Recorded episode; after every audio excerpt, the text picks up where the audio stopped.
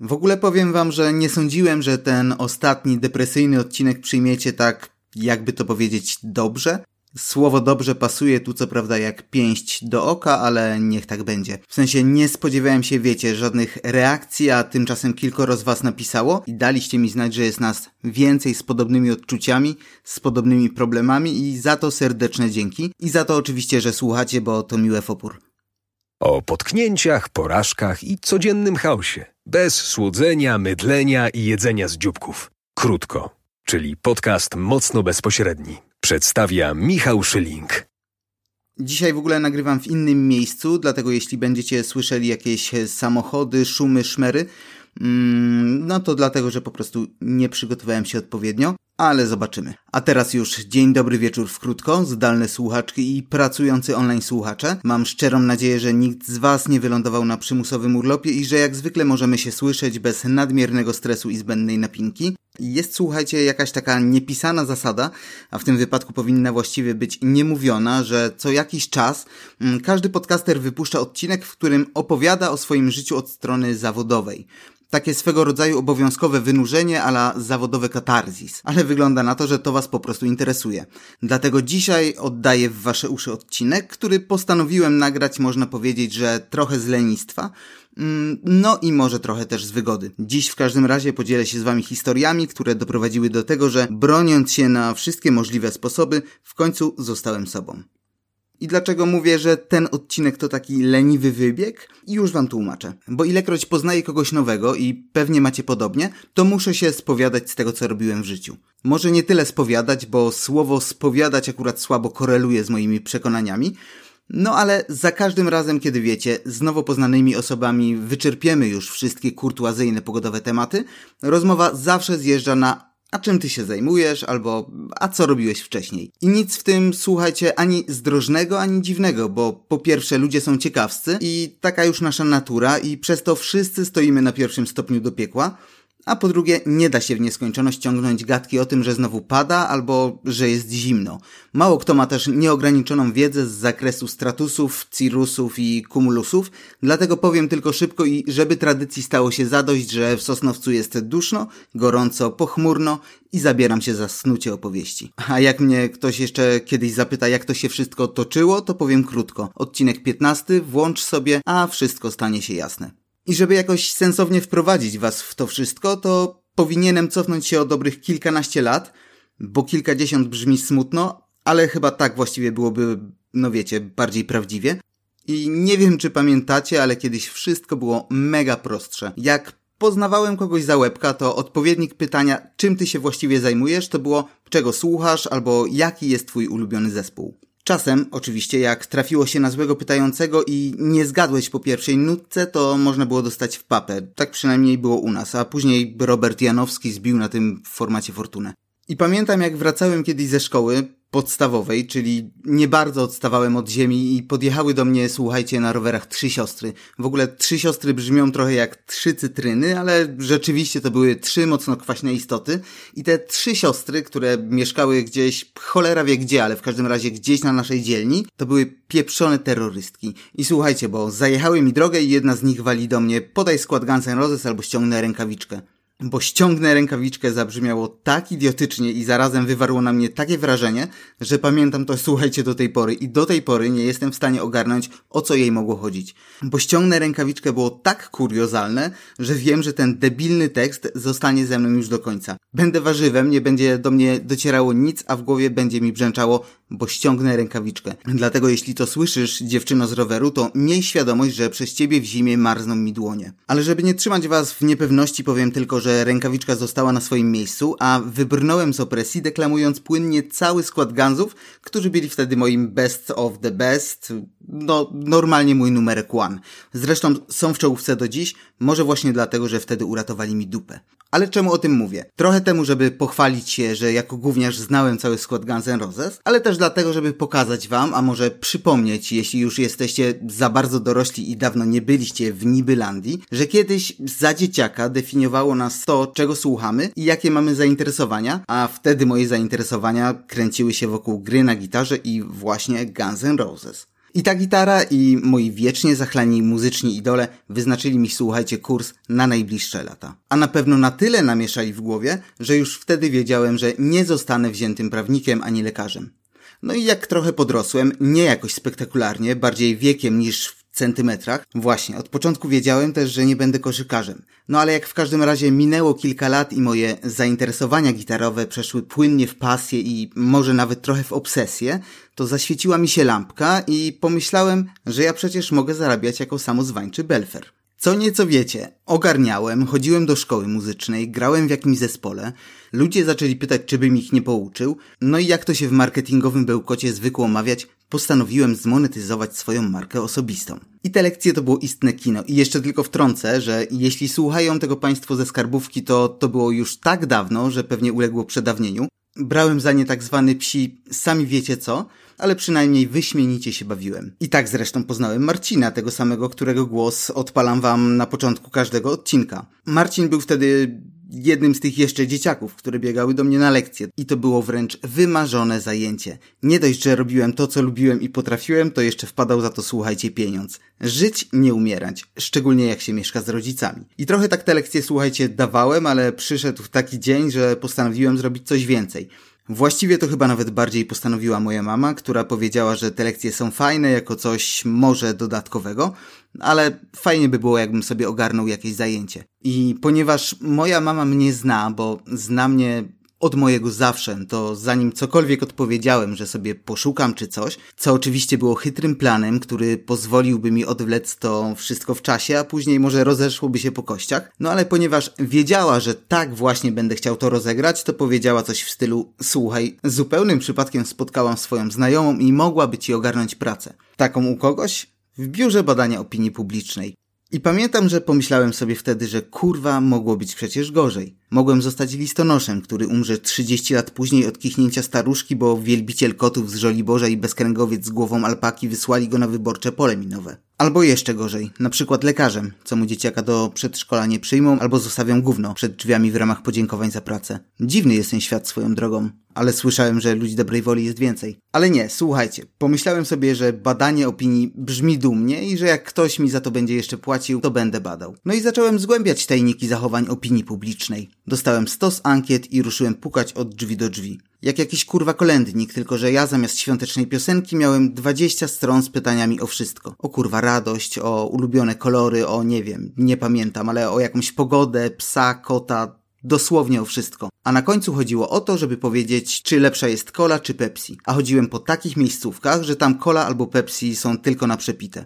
I od niektórych ludzi, jeśli już oczywiście ktoś otworzył drzwi, dostawałem na przykład herbatę. Od innych na przykład bluzgi i przyznam, że sporo tych ankiet wypełniłem sam, bo te sporadyczne herbaty nie kusiły aż tak i to chodzenie po obcych osiedlach było trochę jak gra w rosyjską ruletkę. Musiałem przeprowadzać badania w takich dzielnicach Dąbrowy Górniczej albo Katowic, że tam nie pytali po ilu nutkach. Tam nie wiedzieli nawet kto to jest Robert Janowski i chociaż nie pracowałem tam jakoś nadmiernie długo, to dużo nauczyłem się o świecie. A na pewno tego, że opinia publiczna jest bardzo różna.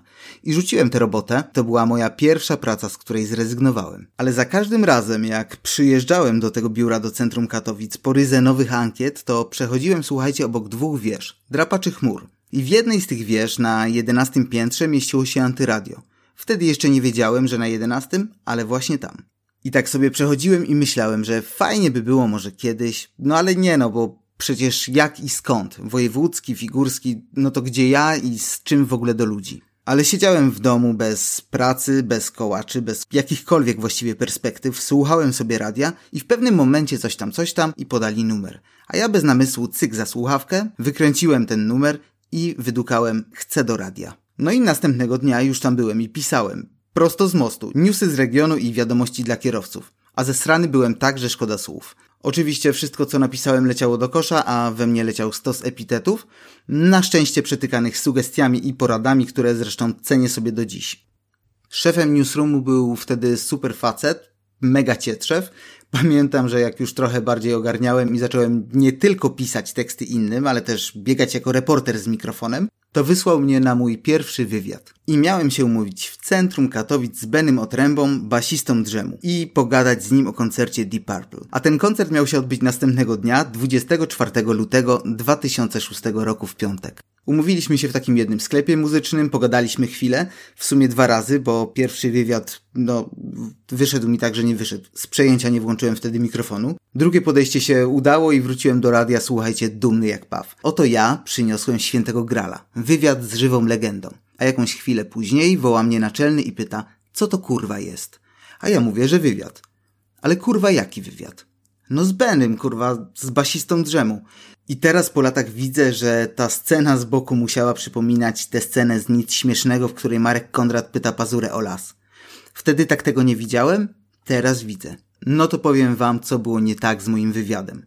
Rozmowa miała być o piątkowym koncercie Parpli, a my spotkaliśmy się w czwartek.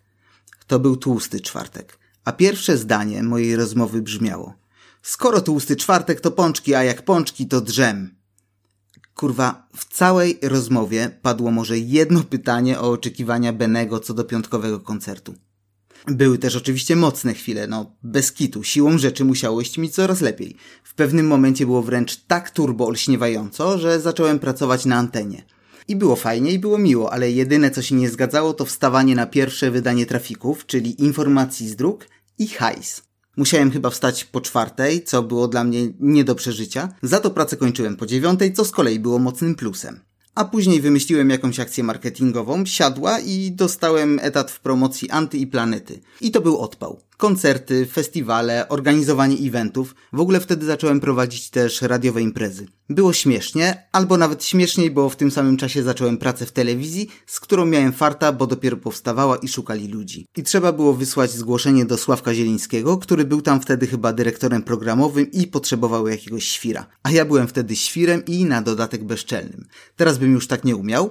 Każdym razie w liście motywacyjnym napisałem, że nie potrzebuję listów motywacyjnych. I nagle okazało się, że pracuję w promo w radio, mam jakieś wejścia antenowe i do tego dostałem rolę współprowadzącego poranek w telewizji. Ale ponieważ laurki możecie sobie oglądać w publicznej o 19.30, a krótko jest o porażkach i codziennym chaosie, to już zmieniam ton z buca na normalny i proszę bardzo. Ten program był na żywca i były różne wejścia. Mówiliśmy dzień dobry, później kamera zjeżdżała na pogodynkę, w międzyczasie wchodził gość, kamera wracała i zaczynaliśmy rozmowę. I kojarzycie kogoś takiego jak Łukasz Zagrobelny? To nie jest podchwytliwe pytanie. I jeśli tak, to pewnie wszystko z wami w porządku, a jeśli nie, to znaczy, że mamy członkostwo w tym samym klubie.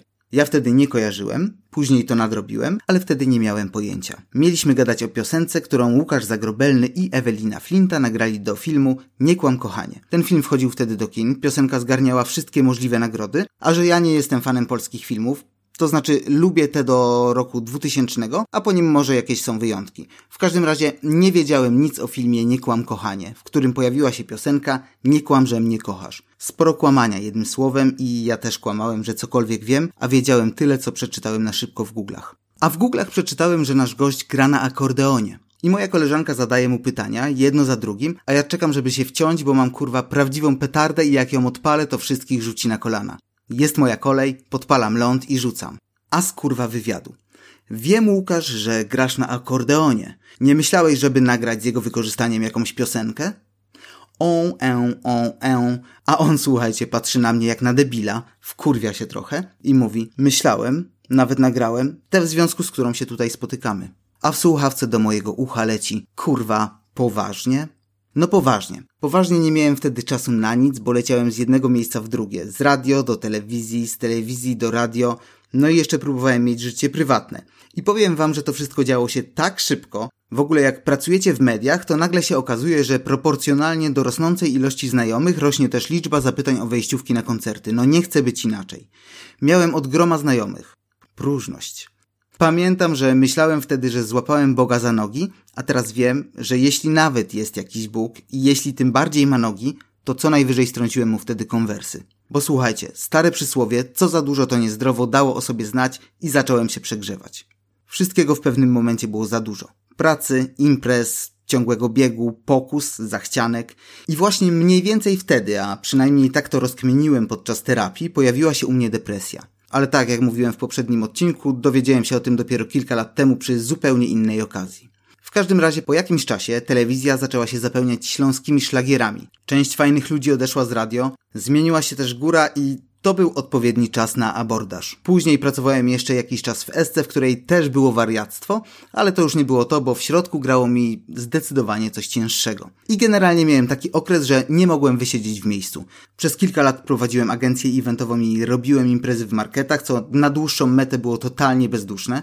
Mieliśmy też z Kaśką knajpę, a kto próbuje mieć związek i prowadzić biznes, ten wie, że jest to albo niewykonalne, albo niezwykle trudne. Pracowałem w dziale promocji w wyższej uczelni, w ogóle wyobraźcie sobie, w gazecie, układałem scenariusze marketing automation dla globalnych korpo, no ale ciągle chciałem czegoś nowego, ciągle nie mogłem znaleźć sobie miejsca. Ciągle zmieniałem, szukałem, próbowałem, ryzykowałem, bo podobno kto nie ryzykuje, ten nie pije szampana. I po kilku źle podjętych decyzjach znalazłem się w przysłowiowej dupie. I wtedy poznałem Fransa. Nie poznałbym go, gdyby nie pieniądze, a właściwie to ich brak. Pewnego dnia, jak już było cieniej niż cieńko, postanowiłem, że wyjadę do naszych zachodnich sąsiadów celem szybkiego odbicia od dna. I niby wszystko dograłem przed wyjazdem, ale wiecie, na tak zwaną gębę. Co wiedziałem? Że mam się opiekować niemieckim dziadkiem, który wszystko ogarnia, trzeba było z nim posiedzieć, poczytać mu, pogadać, pograć w szachy i już kilka godzin po moim przyjeździe okazało się, że szachy owszem, jak najbardziej, ale to dziadek i jego rodzina rozgrywali ze mną. Pojechałem autobusem, bo po co mi auto? Ze wszystkiego mogę korzystać na miejscu, taki był przynajmniej układ. Myślę sobie, będę pielęgniarzem, odświeżę niemiecki, bo długo nie gadałem, pozwiedzam, bo tak byliśmy dogadani. Dogadani. Mhm. Po przyjeździe na miejsce przywitała mnie rodzina dziadka, wszyscy mili, uśmiechnięci. Akurat. Położyłem się spać, a rano się okazało, że dziadek nie ogarnia nic. Właściwie to nie. Ogarniał darcie japy. Także niemiecki ćwiczyłem od rana do wieczora. W ogóle ta miła rodzina miała totalnie wbite na dziadka. Na miejscu syf i dramat. Jedzenie wyłącznie z paczek, jakby odliczali mu dni. A Franz miał 90 lat i był wkurwiony na cały świat. Tak więc sprzątałem, gotowałem, co się dało z tego proszku, który w końcu okazał się na plus, bo dzięki niemu Franz miał zatwardzenie i tematy fekalne dotyczyły mnie niezwykle, o zgrozo, że użyję tego słowa, rzadko. Zmieniałem cewniki, słuchałem wyzwisk i czasem grałem z nim w Chińczyka. Jak był miły, to dawałem mu wygrać, a jak nie, to nie. No i czekałem na wypłatę jak na zbawienie. Dosłownie. Nie miałem grosza, a nie chciałem nikogo o tym informować. Kiedyś nawet postanowiłem tak luźniej zagadać, zapytać Fransa, czy był w Polsce. A Frans się uśmiechnął pod nosem i powiedział, że był. Że był w Szczecinie, że był pod Warszawą, a potem poszli do Rosji. Poszli. I wszystko stało się jasne. I myślę, że jak tak mnie wyzywał, to może było mu lepiej i przypominały mu się po prostu stare dobre czasy. Mnie z kolei było lepiej, jak dowaliłem mu Fińczyka. Wyjechałem po niecałym miesiącu. I od tego czasu wszystko układa się, słuchajcie, w porządku. Głównie pracuję jako copywriter, między innymi dla radio, trochę na YouTube. O kilku rzeczach już wiecie, o kilku pewnie nie. Ja natomiast przekonałem się na własnej skórze, że raz tobie chcą podcierać tyłek, a raz ty musisz podcierać tyłek. I pamiętajcie, że jak już będziecie łapać Boga za nogi, to upewnijcie się najpierw, czy ma zawiązane trampki.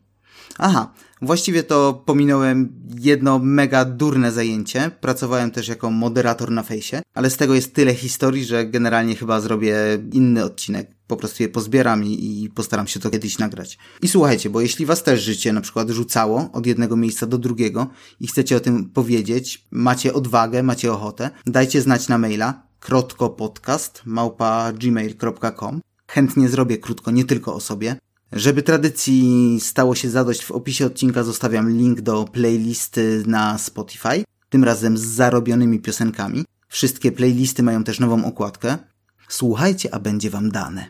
A, i postanowiłem sobie, że przy okazji odcinka o pracy zacznę być systematyczny i powiem, że od teraz nowy odcinek krótko będzie co poniedziałek. O, i tego będę się trzymał. A tymczasem dziękuję, że słuchacie. Jeśli Wam się podoba, to będę wdzięczny za subskrypcję, ocenę i na przykład komentarz w Apple Podcast. E, subskrybowanie również w Spotify, Google Podcast, mm, Pocket Casts, na YouTube. Obserwujcie też krótko na Instagramie pod adresem Krotko Podcast i na Facebooku. I do usłyszenia w przyszły poniedziałek. Piona.